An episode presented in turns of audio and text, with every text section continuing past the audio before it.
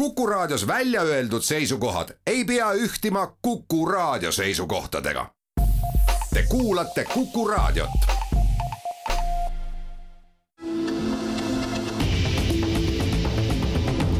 kahevahel.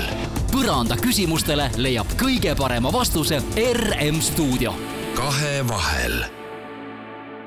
kena reedet, teist detsembrit. kuku raadio saade Kahevahel alustab. stuudios on ajakirjanikud Ainar Ruussaar ja Timo Tarve. on Ukraina kahesaja kaheksakümne esimene sõjapäev. Eestis on esimene vähe krõbedam ja käredam ilm, kui Tallinnas on kaheksa kraadi külma ja Kiievis viimastel andmetel vaatasin miinus kaks, aga lumesadu. meil on täna hea meel võõrustada Riigikogu väliskomisjoni liiget, välispoliitika suurepärast tundjat Marko Mihkelsoni. tere, Marko! tere päevast! Marko, saite mõned nädalad tagasi Ukraina presidendilt äh, Zelenskilt Ukraina teise klassi ordeni, palju õnne kõigepealt! aitäh! kuidas te autasust teada saite, kas Zelenski saatis koos ordeni teatega ka mõne sütitava kirja ja millal te ordeni rinda saate ja kus? E, tegelikult äh, ma usun, et Ukraina presidendil on käed-jalad tööd täis. oma riigi kaitsmine presidendi nii-öelda ametipositsioonilt on tal kindlasti kõige olulisem ta on olnud üpris lahke äh, tegelikult äh, nii ennekõike muidugi Ukraina kaitsjatele, aga ka päris paljudele rahvusvahelises elus Ukrainat toetavatele inimestele tunnustust jagama ja, ja sellest sain teada tegelikult tänu oma oma heale sõbrale, kolleegile, Ukraina Raada väliskomisjoni esimehele, kes andis teada, et president on sellisele ukaasile alla kirjutanud. millal kätte saab, eks näeb rindeseis nüüd talve hakul kipub minema selliseks ja seda on tegelikult ju piltidega võrreldud ka, nagu Verdüni lahing Esimeses maailmasõjas. Verdün kestis kümme kuud, Bahmuti juures ollakse praegu ummikus kolmandat kuud järjest, kas ajalugu on kordumas? mina tajusin tegelikult seda võrdlust Esimese maailmasõjaga juba aastaid tagasi. tegelikult me unustame ära, et sõda tema kogu ulatuses ei ole kestnud mitte alla kolmesaja päeva, vaid üle kolme tuhande päeva. et tegelikult ikkagi sõda algas kahekümnendal veebruaril äh, kahe tuhande neljateistkümnendal aastal, kui Venemaa alustas Krimmi poolsaare okupeerimist ja selle kaheksa aasta jooksul mul on õnnestunud äh, mitmel korral käia tegelikult idarindel äh, ja, ja just enne kahekümne neljandat veebruari palju oli tegelikult sellist, mida muu maailm üldse tähele ei pannud, aga tegelikult käis kaevikusõda, täpselt nii, nagu Esimeses maailmasõjas istuti kaevikutes ja iga hetk võis sind miskit kusagilt tabada, nii et äh, tegelikult see, mis Bahmutis praegu toimub, on muidugi äärmus. Äh, et me aastal kaks tuhat kakskümmend kaks midagi sellist äh, näha võime ja võr-, võrdleme neid pilte, mida me oleme tõesti Verduni alt näinud ja, ja kahjuks ilmselt äh, noh, kuna see rinne on ju nii pikk, siis ilmselt neid lõike, mis illustreeriksid ajaloos juba kunagi toimunut, äh, ei ole ainult Bahmuti juures. nojah, eks see kätte jõudnud talv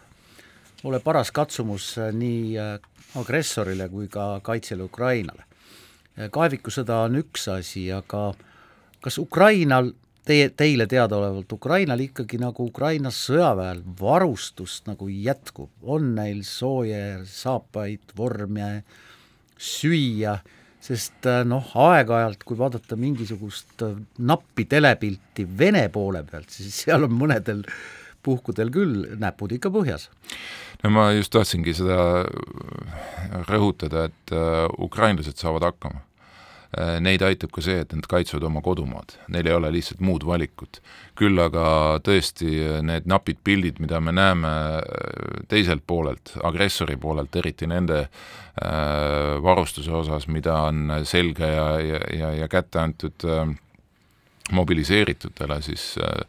siis seal on olukord muidugi päris hull, aga, aga muidugi, et jällegi Ukraina ei pea ju esimest talve Äh, istuma ka-, kaevikus või Ukraina sõjaväelased, nad on istunud,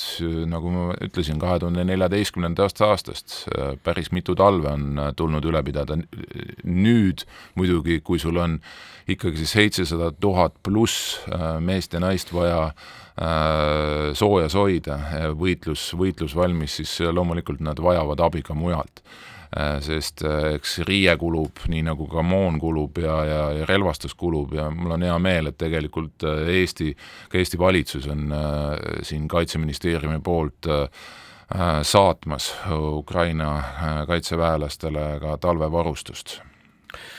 ja kuidas selle varustusega, nii-öelda selle kuuma moonaga täpsemalt siis on, kas see, et nüüd on otsustatud minna üle tõepoolest ka Euroopa sõjatehastes sellele seadistusele, et me hakkame tegema nõukaaegseid nii-öelda kaliibreid tagasi suurtükimürskudel, Ameerika Ühendriigid on järjekordsele paketile alla kirjutamas või juba kirjutanud, ma ei tea,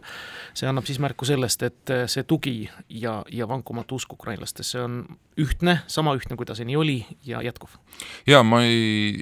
näe, et see usk äh, oleks kuidagiviisi kõikuma löönud äh,. lihtsalt praegu on see hetk, kus kohas tuleb ka neid võib-olla pisukesi kõhklejaid, äh, kes arvavad, et kuidagiviisi peaks ikkagi Venemaaga nüüd läbirääkimistesse minema, et seda sõjakoledust nagu äh, sõjakoledustele nagu piiri ette tõmmata, siis äh, no nende hääl ei, ei käi üle praegu uk-, ukrainlastest, et Ukraina ikkagi väga selge siht on silme ees äh, saavutada täielik võit selles sõjas ja täielik võit on ikkagi territooriumi vabastamine nendes piirides, mida Ukrainat on rahvusvaheliselt tunnustatud üheksakümne esimesest aastast alates, ehk ka siis Krimmi vabastamise kaudu. selleks, et seda saavutada, loomulikult on vaja äh, et Ukraina saaks püsivalt äh, tõenäoliselt veel pikema aja jooksul ikkagi nii moona kui relvastust ja selleks, et ta seda saaks, on lääneriikidel vaja äh, nii neid kaliibreid äh, äh, nii-öelda relvastuse, ennekõike siis laskemoona osas toota, mis annaksid võimaluse ukrainlastel kasutada venelaste trofeerelvi, eriti suurtükke, saja viiekümne kahe millimeetriseid, aga kindlasti on äh, poliitilise otsustamise koht ka see, et et kui me ikkagi pikaajaliselt tahame oma kaitsesse investeerida, lääneliitlased tervikuna, siis selle moona koguse või noh, nii-öelda kao või, või, või kulu juures, mida me täna ühes sõjas näeme, selle intensiivsuse tase on miskit, mida ei ole siiski nähtud ju teisest maailmasõjast alates, on ilmne, et need laod, mis võib-olla mingil hetkel tundusid päris täis olevat, hakkavad ju ka läänest tühjenema ja mitte ainult suunaga Ukraina, vaid ka iseenda kaitsevõime ja heidutuse hoidmiseks. nii et selles suhtes need otsused äh, et noh, näiteks ka Eesti puhul ma usun, et äh, täna oleme väga palju targemad, kui õigeaegselt tehti need äh, moona täiendamise otsused veel eelmisel aastal, eelmise aasta esimesel poolel, kui mindi nii-öelda hangetesse, et saada moona, täna on sama, samad otsused oleksid palju kallimad, aga, aga paraku seda tuleb edasi teha, sest nii Ukraina vajab toetust, kui ka meie enda heidutus vajab tugevdamist. sõda ja julgeolek ei tähenda ainult Äh, moona ja ei tähenda ainult väljaõppinud sõdureid ja sooja saapaid. Marko, ma ei tea, kas sina mäletad, mina mäletan küll meie pettunuid ilmeid Madriidi NATO tippkohtumisel aastal üheksakümmend kaheksa ja ja kui me lennujaama sõitsime, ütlesid see taksojuhile väga ku-, kurjalt, sellepärast et me olime mõlemad pettunud, Rapido Aeropuerto sest et Eesti loodis saada kutset, aga ei saanud äh,. Kuulge, Marko, lääneriikide lubadused võtta Ukraina NATO ja EL-i liikmeks on nii ebamäärased, et ei ole antud ka mingisugust teekaarti. see näeb välja umbes nagu võib-olla üks kord, kui siis. miks see nii käib? ma arvan, et äh, sellel on üks, äh, üks seletus äh, ja ma olen täiesti nõus, et ka täna äh, oleks äh, põhjust olla, äh, no ma ei ütle, et pettunud, aga kindlasti oleks põhjust olla väga kriitiline mitmete meie suuremate lääneliitlaste suunal, eriti Ameerika Ühendriigid, aga ka mõned teised, kes on võtnud hästi äh, selliselt no kriitiliselt reageerida, kuluaarides vähemalt Ukraina presidendi otsusele esitada ametlik taotlus saada NATO liikmeks, nagu me teame, siis mõned nädalad tagasi. Äh, ju äh, Ukraina ametliku taotluse esitas. Äh, ma ei saa aru sellest, et sõna otseses mõttes, kuigi ma võin mõne argumendi tuua, miks sealpoolne selline hoiak on meie liitlaste seas, aga ma ei saa aru sellest, et kui me oleme kahe tuhande kaheksandal aastal Bukarestis kord juba kinnitanud, et nii Ukraina kui Gruusia, Georgia võivad ühel päeval saada NATO liikmeks või õigemini siis saavad ühel päeval NATO liikmeks, siis neliteist aastat hiljem Äh, pärast seda, kui Ukraina on äh, mm, kandnud noh, ma ütleks, et me võime Ukraina kaotusi hinnata ikkagi vähemalt saja tuhande mehe, naise ulatuses rindel, kes on kas saanud surma või haavata. et pärast seda kõike, mida Ukraina on teinud meie enda äh, kaitsel, ehk siis NATO kaitsel äh,, öelda, et äh, vist ikkagi ei ole õige hetk sellest veel rääkida ja et võib-olla peaks va veel vaatama, kõigepealt ikkagi ei ole ju võimalik NATO-sse saada, kui aktiivne sõjategevus käib ja nii edasi et see, see üks põhiline probleem tegelikult, mida mina näen, et miks siin ollakse hästi venitavad selles nii-öelda väga umbmäärased Ukrainale vastust andmas, on kartus Venemaa ees. Püsivalt jätkuvalt kartus Venemaa ees. ei us-, ei suudeta panna nagu samasse maatriksisse see, et Venemaa strateegiline lüüasaamine selles sõjas on täiesti äh, vääramatu, kui me ei taha äh, pikka ebastabiilselt ja, ja, ja, ja sõjakeskset Euroopat. kui me tahame rahu taastada, siis on täiesti möödapääsmatutes strateegiline lüüasaamine Ukraina täieliku vabastamise näol tuleb saavutada ja ainus garantii siis, et pärast seda Venemaa uuesti ei alustaks sõda ei Ukraina ega võib-olla mõne teise naabri vastu, on see, et Ukraina tuleb tuua kiirelt NATO-sse. Ja selleks, et seda, seda teha, tuleb ka täna see välja öelda. kui Ukraina oleks kahe tuhande neljateistkümnendal aastal olnud NATO liige, me ei näeks seda, mida me oleme viimase kaheksa aasta jooksul näinud täna. Täpselt nii, aastal kaks tuhat kaheksa oleks tegelikult olnud paar julget sammu ja Gruusia oleks hoopis teistsugune riik, nagu ta praegu on, ma arvan. täpselt see, et äh, Venemaa juhtkond nii Putini kui Medvedjevi näol ei varjanud ju peale augusti sündmusi kaks tuhat kaheksa, et ainus põhjus, miks mindi Gruusiale kallale, oli äh, ära hoida NATO laienemine. Läheme siinkohal väikesele reklaamipausile ja siis jätkame saadet kahe vahel kahevahel. Põranda küsimustele leiab kõige parema vastuse RM stuudio. kahevahel. igareedene Kuku raadio vestlussaade Kahevahel jätkub ja ajakirjanike Timo Tarve ja Ainar Ruussaare vahel on täna Kuku raadio otsestuudios Riigikogu väliskomisjoni liige ja Reformierakonna juhatuse liige Marko Mihkelson ja Marko, kui me siin rääkisime, viitasime sellele, et Bahmuti all on seis üsna toppamas juba kolmandat kuud järjest, siis vähemalt sama kaua on rääkinud Euroopa, on rääkinud Soome, et oleksime pidanud neid kuulama, me oleksime pidanud neid kuulama, see mantra kordub küll Sanna Marini, küll Ursula von der Leyeni ja teiste suu pealt. ma olen ikka mõelnud seda vaadates ja lugedes ikka jätkuvalt, kui kusagil mõnel tippkohtumisel jutuks tuleb, nagu siin praegu Sanna Maringi Austraalias kordas selle üle, huvitav, palju see kuulamine siia oleks, võiks näiteks aidata praegu okupeeritud Mariupoli elanikke, ei aita vist väga no see aitaks äh, seda, millest me just hetk enne reklaamipausi rääkisime, et äh, et kuulake Eestit, Lätit ja Leedut, äh, mis aitaks Venemaa survestamisel, heidutamisel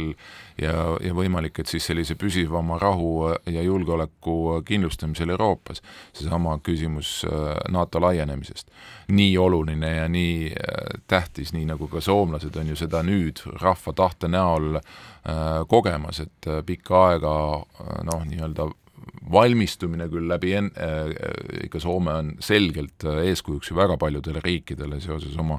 kaitsevõime edendamise, kaitsetahte, kõrge kaitsetahtega, aga ikkagi tänases rahvusvahelises olukorras koos teistega, ka väikeriik Soomel ei ole võima-, noh, mitte võimalik koostööd teha ja, ja mina ütleks selle jutu peale, mida mina olen ka kuulnud äh, Äh, nii sakslastelt kui, kui mitmetelt teistelt äh, siin selle aasta jooksul, et oleks küll pidanud teid tõsisemalt kuulama, et me jah, panime tähele, et teil on mure Venemaast ja saame aru, et ajalugu on olnud keeruline, aga me alati mõtlesime, et teil ilmselt on need haavad natukene liiga värsked, et mõista, et maailm on muutunud ja nii edasi. ja aga ma ütleks, et ma ei näe veel hetkel seda, et äh,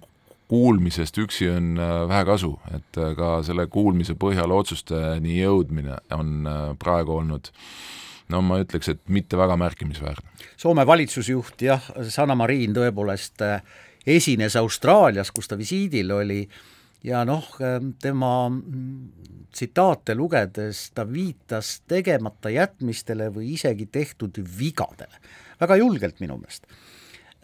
millised on need Euroopa riikide viimaste aastate tüüpilisemad vead, mis on meid viinud sinna, kus me praegu oleme? no ma arvan, et äh, et eks äh, ikkagi kõige tõsisem ja eksistentsiaalsem küsimus mis osas ka on meile vihjatud, et oleksime pidanud teid kuulama, on ikkagi see, et, et on Venemaad täiesti valesti loetud ja pikema aja jooksul tegelikult oleks pidanud hakkama seda lugema, ma ütleks, et ka meie võib-olla natukene olime üheksakümnendatel aastatel, elasime lootuses, et eh, noh, küll nad seal eh, üle kivide ja kändude liiguvad, aga ikkagi pigem siis õiges suunas, ehk siis natukene vabama, natukene pluralistlikuma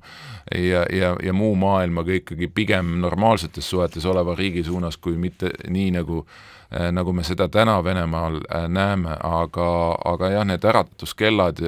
no meie jaoks, minu jaoks isiklikult oli ikkagi kõige tõsisem äratuskell üheksakümne neljas, kuues aasta, kui äh, sai Postimehe ajakirjanikuna näiteks Tšetšeenia sõjas, esimeses sõjas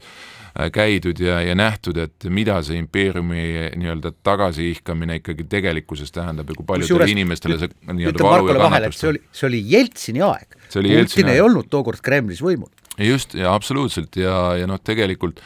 eks äh, see impeeriumi ihalus oli ju tunda just nimelt juba üheksakümnendatel aastatel, kaugelt enne seda, kui äh, Putin ja KGB korporatsioon võimu haarasid üheksakümne üheksandal aastal. ja vot see, noh, eriti muidugi loomulikult oli, oli see tunnetatav, see selline äh, selge kokkupõrke kurss ju, ju kui mitte, kui mitte varem, siis igal juhul kahe tuhande seitsmendal, kaheksandal aastal. seesama, kui lihtsalt mindi peale Gruusia sõda, mõne, mõni nädal läks mööda ja juba räägiti sellest, et tegelikult tuleb taastada normaalsed suhted, business as usual, tavaline, eks ju, äri ja, ja, ja, ja, ja neli aastat oligi natukene nagu selline äh, vaata et sai rääkida ja oli enam-vähem äh, ühel lainel, aga, aga, aga tegelikult me ju teame, et see kõik käis valmistumine uuteks lahinguteks, et ma mäletan, Dudajev üheksakümne viiendal aastal ütles mulle intervjuus, et et ole valmis, et see sõda kestab viiskümmend aastat. noh, siis vaatasid, mõtlesid, et ei tea, et kas ikkagi natukene äh, natuke palju ei ole, täna me oleme vaata et kolmkümmend aastat juba sellest päevast möödas ja, ja ega see sõja lõpp ei paista. nii et, et äh, ma arvan, et see Venemaa lugemine on see, mis on püsivalt olnud probleem ja ma näen, et on ka praegu probleem. no eks Venemaa teeb ka hästi palju selleks, et oleks hästi palju kirjaoskamatuid või silmaklappidega nii-öelda läänlasi, no puistades raha, puistades väga häid ärisidemeid, Schröder, eks ole, on ta sealt huvitav ära tulnud sealt Gazpromi nõukogust või ei ole, ma ei tea veel. aga no kõik need liigutused, Katrin Beltoni, Putini, Venemaad alati soovitame sel puhul lugeda, oleme tänulikud, et see nüüd ka vene keeles on ilmunud. probleem on olnud ka see, et vilepuhujad on olnud võib-olla valed, väle, vääriti mõistetavad, ma mõtlesin, et miks näiteks ei läinud eh, kellad helisema siis, kui hakkasid järsku oligarhid kaks tuhat üks, kaks tuhat kaks ära tulema. seepärast, et Lääs arvas, et niikuinii neil on seal omad mingid äriprobleemid ja nendele vilistades, eks ole, nii lähebki, aga oleks pidanud neid tõsiselt ikkagi kuulama ja lugema, mul on siiamaani kõrvus see Boris Berezovski alatine väljend Putin is a monster jah, ei noh, tõesti, nagu sai öeldud, neid äratuskellasid oli ju terve rida ja mõned tõsisemad, mõned vähem tõsisemad, aga isegi kui me meenutame kahe tuhande neljateistkümnendat aastat, kui siin ikkagi põhitähelepanu meil on Ukrainal olnud ja, ja praegugi, et ega, ega selle sõja suhtes hakkas Lääs ju palju tõsisemalt reageerima ja, ja olukorda hindama alles siis, kui äh, suure õnnetusena päris paljud Hollandi kodanikud hukkusid äh, Malaisia lennuki allatulistamise järel juulis äh, kaks tuhat neliteist. alles siis al algas tegelik selline tõsisem sanktsioonipoliitika Venemaa suhtes aga ma mäletan isegi selle kaheksa aasta jooksul, kui keeruline oli näiteks meil äh, parlamendisaadikutena ei olnud tõkendit, et äh, ei tohiks minna näiteks Ida-Ukrainasse rindejoonele noh, mõistlikusse kaugusesse, kaevikusse ei äh, jooksnud ju keegi, aga, aga aga näiteks tervel real lääneriikidel oli lausa keelatud äh, diplomaatide tasandil kakskümmend või kolmkümmend kilomeetrit oli see tsoon, kuhu ei tohtinud äh, lähemale minna ja mida sa sealt kahe-kolmekümne kilomeetrit kauguselt, sa ei tunneta üldse tegelikult seda, mis äh, parem ole juba Kiievis, mingit vahet ei ole, eks. Aga, aga, aga seesama, see vahetu enda kogemuse puudumine ja siis noh, selline kauge äh, kompamine on äh,, kompamine otsese, sõna otseses mõttes pimeduses viis selleni, kus me täna oleme no jaa, neid samme on äh, sinu poolt mainitud äh, kahe tuhande neljateistkümnendast, kahe tuhande kaheksandast, üheksakümne neljandast, mida sa mainisid, on olnud ikka väga-väga palju ja justkui nagu oleks mingisugune rätik seotud lääneriikide silmadele, ma pean silmas eelkõige mõnesid Euroopa Liidu liike, mainisid MI seitseteist äh, reisilennuki allatulistamist, nojah, mõne nädala eest mõisteti küll Hollandi kohtus neli inimest tagaselja eluks ajaks vangi, kes jäid süüdi selle lennuki allatulistamise organiseerimises, nad on Venemaa varjus, keegi neid kätte ei saa, keegi neid vangi ei pane, aga küsin, millal täitub unistus ühtsest Põhjalast, pean silmas Rootsi ja Soome NATO-ga liitumise ajatelg. ma ütlen ausalt, et olin nii naiivne, et ma kujutasin ette, et see on päris kiire protsess, no tuhkagi ma pean tunnistama, et ma arvasin ise ka, et, et selle aasta lõpuks saame hakkama. aga võta näpust, et äh, kaks riiki on veel ikkagi äh, oma äh, ratifitseerimisotsused te tegemata jätnud Uh, Ungari on küll nüüd teatanud, et uh, äkki ikkagi neil jagub aega parlamendis väga tiheda graafiku uh, tõttu on see lükkunud ja veebruari alguses saavad nad selle tehtud mis puudutab Türgit, siis äh, meil on olnud võimalus siin viimase pooleteise kuu jooksul Türgi kolleegidega ja ka Türgi välisministriga kohtuda nii Ankaras kui siin Tallinnas ja ma pean ütlema, et äh, Rootsi parlamendivalimiste järel on ikkagi tunda sellist edasiminekut, vähemalt tunneli lõpus paistab valgus. millal see tunnel läbi saab, kas seal saab läbi enne Türgi valimisi, mis tulevad järgmise aasta varasuvel, Äh, mais-juunis, äh, noh, see sõltub täpselt sellest, kuidas Erdogan tunnetab, et kas nüüd on kaubeldud piisavalt palju. sest ei ole ühtegi sellist väga konkreetset mõõdikut, äh, ei numbrilist ega ka osaliselt sisulist, mis ütleks, et kui nüüd need sammud on näiteks tehtud, eriti siis Rootsi poolt, siis on roheline tuli Erdogani poolt, et parlamendisaadikud ütlesid meile, et kui see otsus tuleb äh, parlamenti, siis ei võimupartei ega ka opositsioon sellele vastu ei hääleta, nii et loodame, et järgmise aasta Vilniuse NATO tippkohtumiseks järgmise aasta suvel on ikkagi äh, Soome Rootsi NATO liikmed ja Soome-Rootsi diplomaatidega tegelikult suheldes nad ei ole üldse pinges või nad ei, nad ei, nad ei näe, et see oleks kuidagi väga lootusetu olukord. väike reklaamipaus taas meie poolt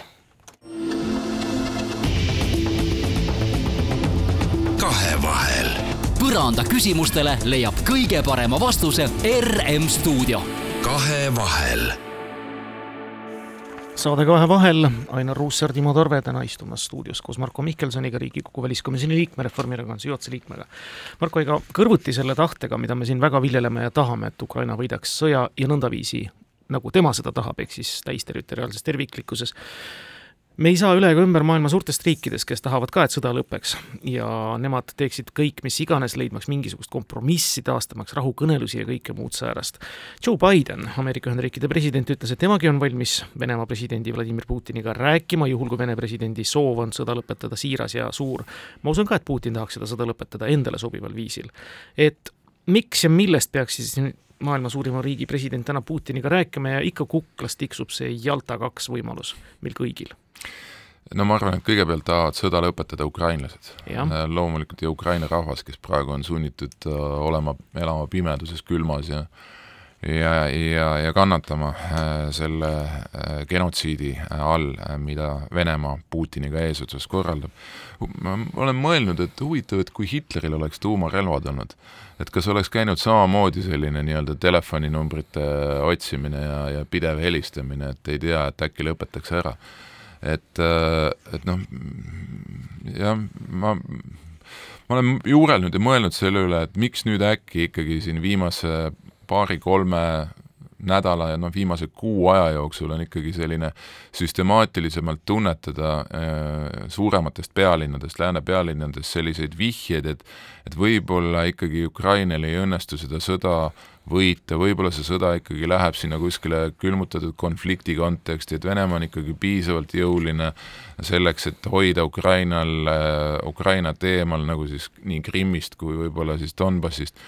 ja et, äh, et äkki ikkagi läbirääkimiste laud on see, mis nagu äh, võimaldaks asjad sirgeks rääkida, et ainukene põhjendus, miks nii Biden, Scholz, Macron, kes kõik on viimastel päevadel märku andnud, et nad on valmis Putiniga rääkima, aga ka näiteks USA staabiülemate komitee juht kindral Milley, kes ütles ka äh, ühel esinemisel siin pool kuud tagasi, et äh, Ukrainal justkui ei paista võimalusi olevat äh, võiduks, siis mulle tundub, et selle kõige taga või selle põhjuseks on ikkagi lääne suuremate riikide kartus, et äh, kui Venemaa viia strateegilise lüüasaamiseni ja selle nagu juba vara, varem saates rääkisime, põhisisuks on Ukraina võit oma territooriumi vabastamise näol. Ja, ja veelgi enam Ukraina toomine NATO-sse ja, ja, ja, ja, ja selgelt äh, ka lõpuks äh, kõigi kurjategijate vastustamine, kaasa arvatud Putini peamise kurjategija, kes alustas seda sõda, ikkagi vastutusele võtmine, ükskõik kas siis selja taga või mitte siis et see viib äh, strateegilise tasakaalu maailmas täielikku kaosesse, kardetakse tõenäoliselt seda, et no nii, nagu kui me meenutame üheksakümne esimest aastat, eks ju, Äh, kuidas ka Ühendriigid ei olnud lõpuni päris kindlad, kas Nõukogude Liidu lagunemine ei too mitte kaasa kontrolli kaotamist tuumarelvade üle näiteks, äh, siis ma arvan, et praegu need mõtted käivad ka kusagilt läbi ja ilmselt äh, on taga, mm, taga, tagumises sellises mõtte, mõttesahtlis kusagil suurematel liidritel ka see, et, et äkki ikkagi see eskalatsioon ja selline Venemaa nii-öelda lüüasaamine selles sõjas võib neid sundida täiesti irratsionaalse käitumise ehk tuumarelva kasutamise.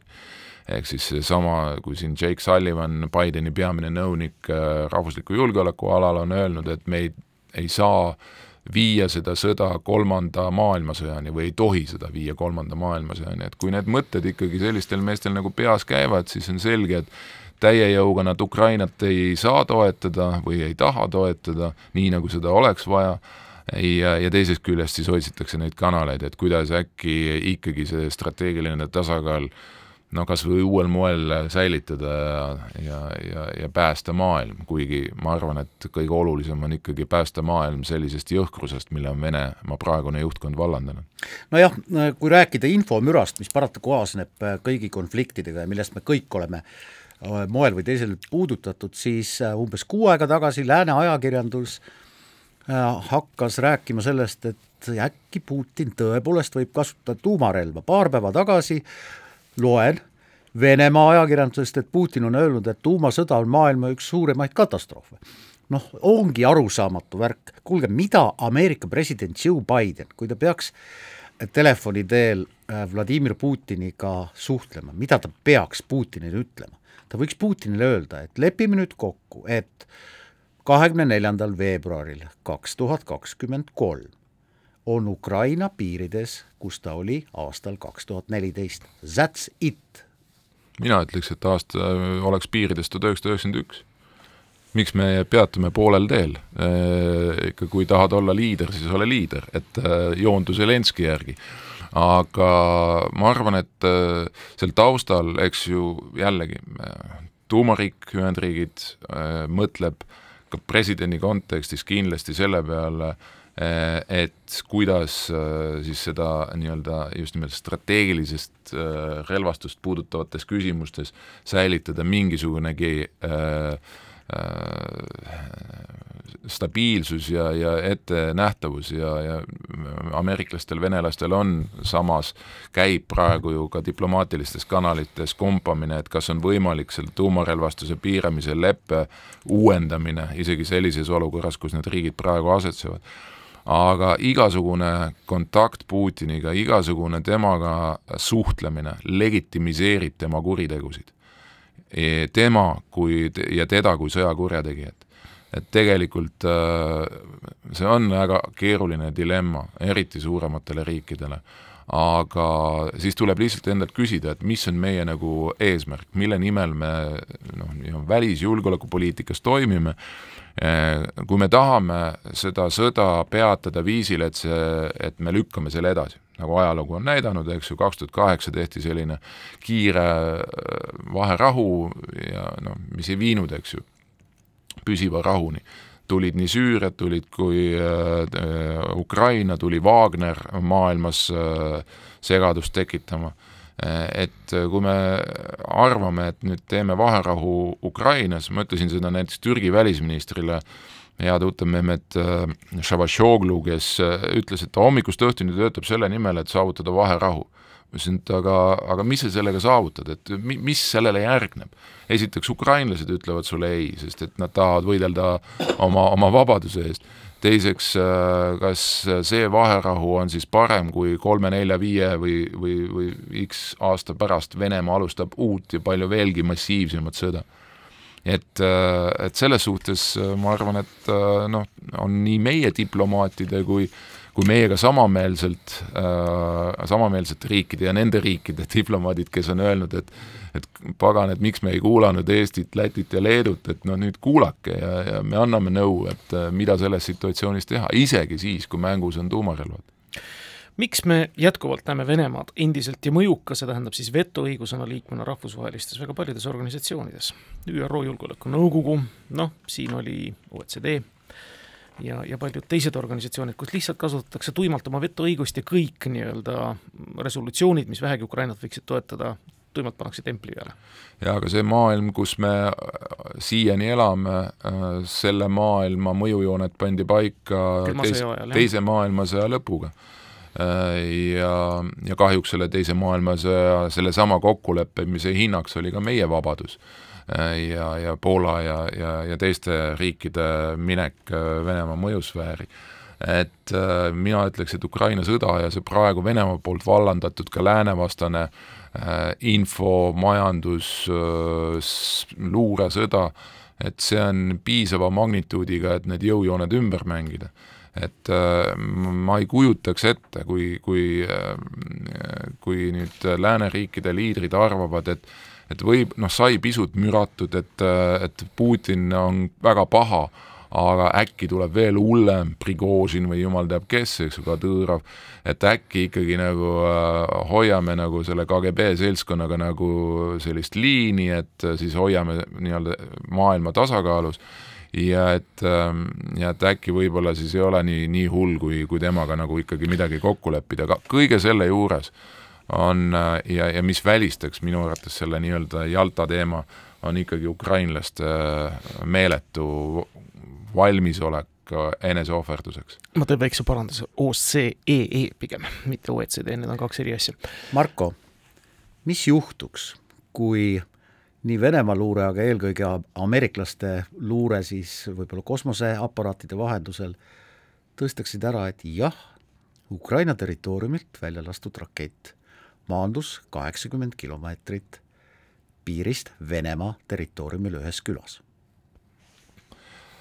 Äh, no mis seal ikka juhtub, et sõjas ikka tulevad ette sellised episoodid, no siiamaani kohas... ei ole tulnud. no ma ütleks niiviisi, et ega Venemaa on ju pidanud oma territooriumiks, lausa põhiseadusesse on sisse kirjutatud Hersoni oblast, Zaporožje, Krimmist rääkimata, eks ju, Donbassist rääkimata ja, ja mis selle ajaga, mis, kui nad selle nii-öelda sissekirjutuse tegid sinna oma põhiseadusesse, mis justkui annaks ju õiguse siis kaitsta ka kuni tuumarelvani välja oma territooriumit, on nad kaotanud. Hersoni, on nad äh, tegelikult äh, ikkagi selgelt äh, olnud pigem äh, kaitsvas äh, positsioonis ja, ja need meeletud ohverdused, mida Vene, Venemaa on uute mobiliseeritute näol teinud, eks ju, kahuriliha lükanud sinna Bahmuti alla ja mõnes teises suunas, siis nad ei ole saavutanud ju mingitki oma eesmärki, isegi ei ole loonud olukorda, kus kohas võiks tõsiselt tekkida kahtlus, et äh, see sõda võib äh, noh, jõuda mingisse tupikusse, kus ei üks ega teine pool ei suuda nagu edasi liikuda et tegelikult äh, kõik see bluff selle tuumarelva üle, mis algas juba neljateistkümnendast aastast, mäletate, kui Putin andis intervjuu Vene telekanalile pärast seda, kui oli Krimm juba annekteeritud ja ütles, et et aga tegelikult mul oli äh, valmisolek ka tuumarelvale äh, nii-öelda äh, kasutus anda, juhul kui meid oleks keegi seal rünnanud või ähvardanud. nii et tegelikult see jutt on kogu aeg läbi käinud, ka veebruari esi-, kahekümne seitsmendal veebruaril, kui ma ei eksi, andis ta ametlikult korralduse viia strateegilised relvad või noh, nii-öelda väed kõrgendatud valmisolekusse, ka see on tegelikult bluff, sellepärast et või noh, jama, sest et äh, strateegilised väed on kogu aeg kõrgendates valm-, valmiduses, see ongi see nii-öelda riigikaitse ja, ja heidutuse põhielement. ja, ja nüüd kuni tänase päevani me siiski ma, mina ei usuks, et nad nii kaugele lähevad, et seda tuumarelva kasutavad, et ameeriklased tegid väga hea liigutuse seal G kahekümne kohtumisel Balis, äh, kui äh, mm, siis koos hiinlastega tehti see avaldus, et et äh, taunitakse igasugust mõtet äh, tuumarelva ka kasutamisest praegusel hetkel. see kahekümne seitsmenda veebruari avaldus oli selles mõttes ka televiisoris väga naljakas vaadata, ma ei ole kindel, kas need mehed ühes ruumis istusid, aga Gerassimov ja Šoigu siis selle väga pika kuulsa laua teises otsas ütlesid siis noogutades jest. ehk siis täitsid käsku, räägime Ungarist ka. mis mängu mängib siis Ungari, kas Orban on siis selline Euroopa rehepapp, kes tahab nii-öelda seda sõda kuidagi enda riigi ja enda võimu huvides ära kasutada lihtsalt? Ma arvan, et äh, eks sisemine selline loogika, kuidas Ungari on arenenud, eriti viimase siin ütleme paarikümne aasta vältel, on tunduvalt keerulisem tajuda distantsilt, kui meile võib-olla esmapilgul tunduks, et et noh, kindlasti on väga halba mõju avaldanud absoluutse võimu äh, saavutamine. Äh,, et äh, mina, mina mäletan Orbanit äh, nullindate aastate sealt keskpaigast, äh, kui ta oli opositsioonipoliitik ja ma olin temaga koos, kohtusime Aserbaidžaani energ-, energeetikaministriga. ja, ja see oli kaks tuhat kuus umbes siis, kui venelased esimest korda hakkasid tõsisemalt Ukrainat pitsitama ja gaasitarned peatati ja ja ma olin Euroopa Nõukogu Parlamentaarse Assamblee raportöör ja seetõttu ka sattusin Budapesti, istusin äh, sellel kohtumisel koos Orbaniga ja mulle tundus, et ta on Fidesz, kes oli uus ju liikumine sealt üheksakümnendate algusest, kaheksakümnendate lõpust tekkinud, et ei olnud vahet, kas äh, ma räägin Mart Laari või, või, või Viktor Orbaniga et aga, aga see transformatsioon, mis temaga poliitilise nii-öelda poliitikuna on toimunud selle aja jooksul, on tõesti noh, tundmatuseni peaaegu ja, ja, ja osaliselt kindlasti on selle, sellega seotud ikkagi see, mis nii-öelda sisepoliitiliselt no, Ukrainas Ungaris toimunud, Ungari puhul on ka muidugi see, et, et ta on meile nagu ikkagi täiesti arusaamatult, et viiekümne kuues aasta, -hmm. mis on meile ju nii lähedane ja samas ajaliselt lähedane ja meile nii arusaadav, et see Venemaa vägivald äh, oma kas okupeeritud või, või mõju all oleva riigi suhtes ja rahva suhtes, et see ei ole tekitanud piisavat tõrget ungarlastes äh, või, või ka sellist pahameelt selles suhtes, mida Ungari poliitikud, tipp-poliitikud endale praegu suhetes Venemaaga lubavad samas on ka neil Ameerika vastasust piisavalt palju seal ühiskonnas, nii et, et nad ongi selline kogu aeg üks suur tasakaalu otsimine ja, ja siis veel takkatippu see Suur-Ungari teema, mis on neid Trianoni lepingust saadik saatnud väga valusalt, et, et, et Ungari peaks ju olema palju suurem, muuhulgas ka siis sinna Ukraina, Ukraina suunale, eks ja see kõik on üks paras kompott, mis tegelikult äh, on äh, siis viinud selleni, kus ta täna on, kas ta on rehepapp, noh, osaliselt ilmselt on. Äh,, ja, ja on ju vilistanud kõigile nendele nii-öelda ühiselt kokku lepitud reeglitele, et mille alusel me võiksime ühiselt toimida mitte ainult siis rahalises kontekstis, aga ka on Ungari ju ka välispoliitikat, Euroopa Liidu välispoliitikat päris palju noh, äh, pärssinud äh, ükskõik, äh, kas me räägime Hiinast või, või Venemaast, sanktsioonidest või avaldustest, ikka on Ungari see, kes on kusagil silma paistnud oma ei-ga. Ilmselt on maailmas ikkagi enamus neid riike, kes väidavad, et ajalooliselt on nad suuremad kui praegu, teeme siin väikese pausi. kahevahel põranda küsimustele leiab kõige parema vastuse RM stuudio. kahevahel.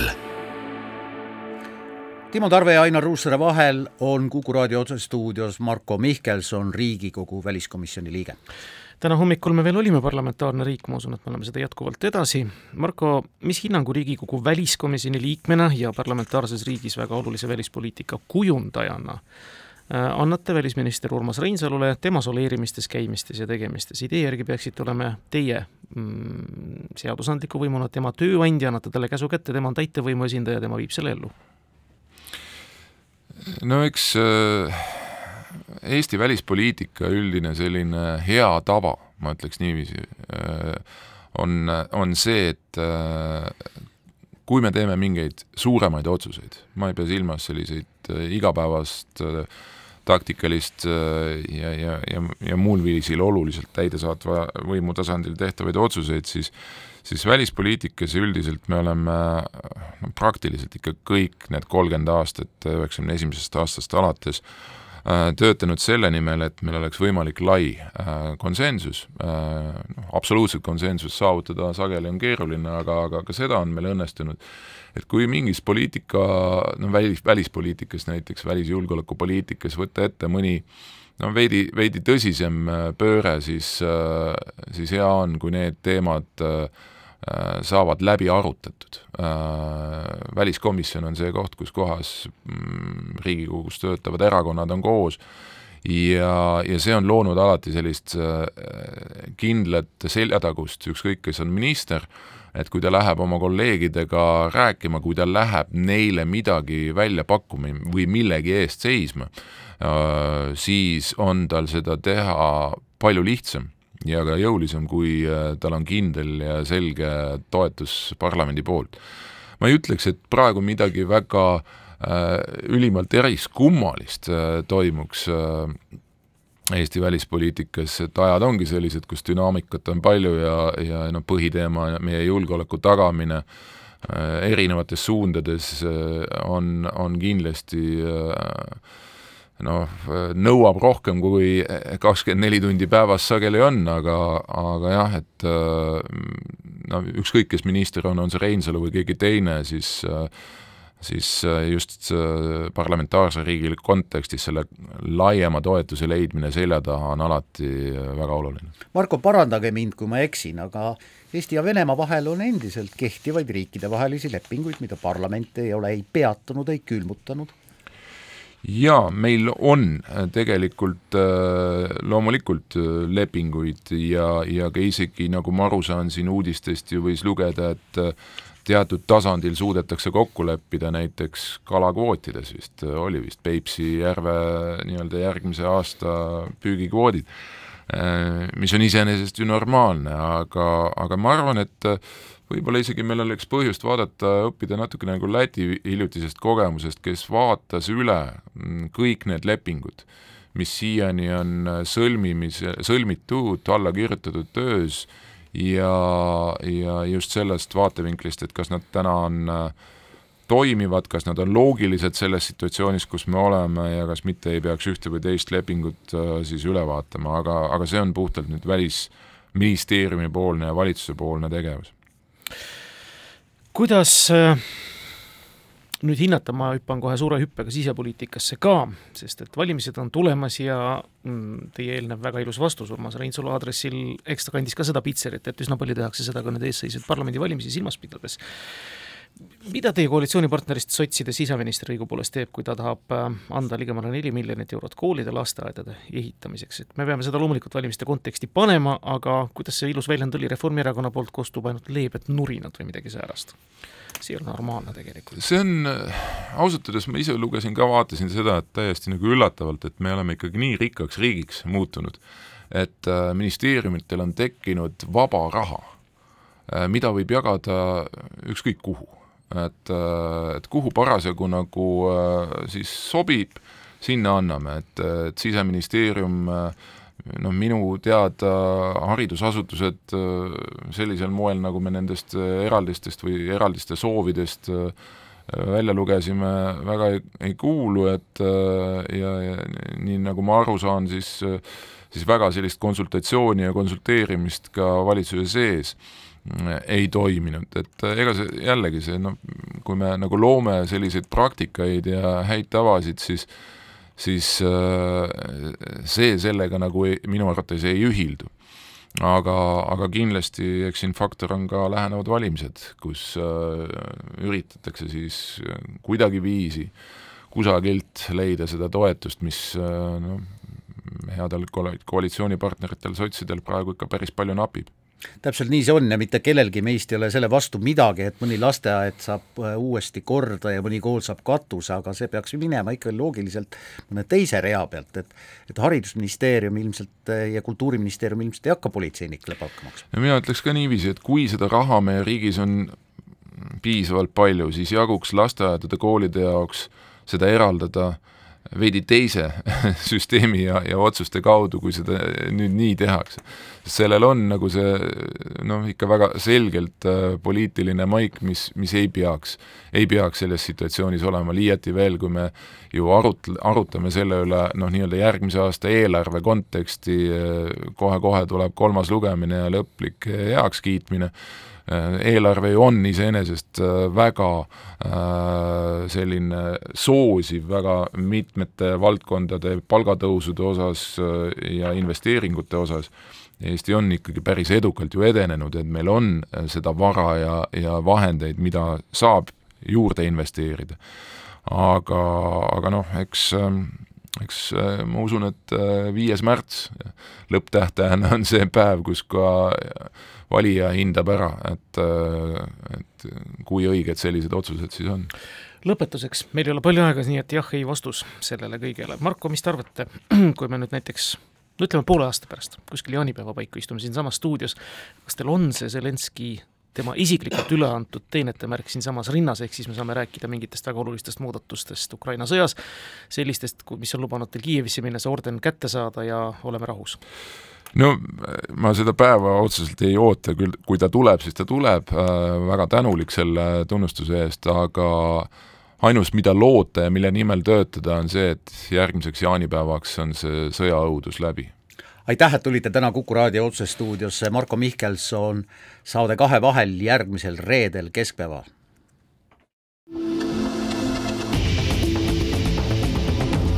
kahevahel